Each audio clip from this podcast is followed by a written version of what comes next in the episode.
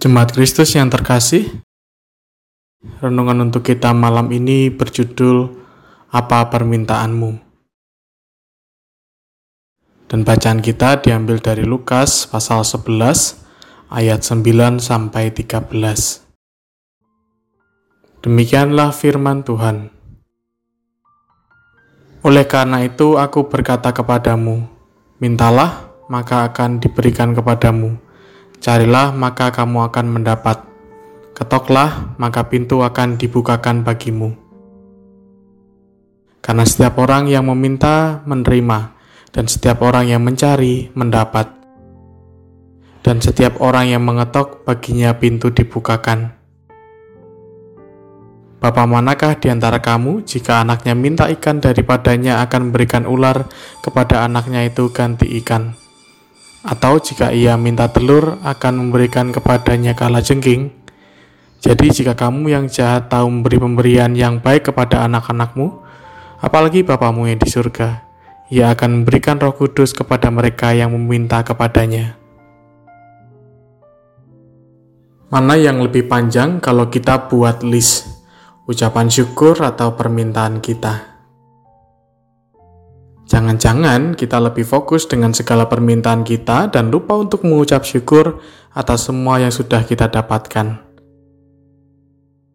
Rasanya hal ini banyak kita temui mulai dari kehidupan kita sendiri ataupun orang-orang di sekitar kita. Banyak orang mengalami kesulitan untuk bersyukur karena tidak pernah merasakan puas dalam hidupnya. Selalu ada hal yang dirasa kurang, atau bahkan merasa tidak pernah mendapatkan semua hal dari Tuhan. Belum lagi saat merasa bahwa apa yang sudah dimiliki itu semua hanya karena upayanya sendiri, bukan dari Tuhan. Maka orang akan terus meminta dari Tuhan karena merasa Tuhan tak pernah baik untuk dirinya. Tuhan mengatakan dalam bacaan kita saat ini bahwa seorang bapak tak akan mungkin memberikan sesuatu yang berbahaya bagi anaknya yang terkasih. Bapak akan selalu memperjuangkan semua hal yang terbaik untuk anaknya, bahkan tanpa diminta. Yang menjadi soal adalah tentang kedewasaan kita. Apakah saat kita meminta, kita memakai kebijaksanaan? Apakah semua keinginan kita benar-benar kita pikirkan dengan baik, dan itu memang menjadi kebutuhan kita? Itu yang sulit untuk dilakukan. Oleh karena itu, mari kita melihat dalam ayat ke-13 saat Tuhan mengatakan bahwa Allah akan menganugerahkan kepada kita Roh Kudus, bukan mengatakan kita akan mendapatkan apa yang kita inginkan.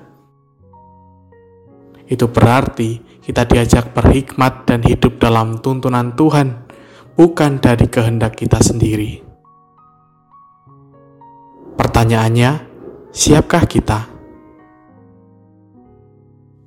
Demikianlah renungan malam ini. Semoga damai sejahtera dari Tuhan Yesus Kristus tetap memenuhi hati dan pikiran kita.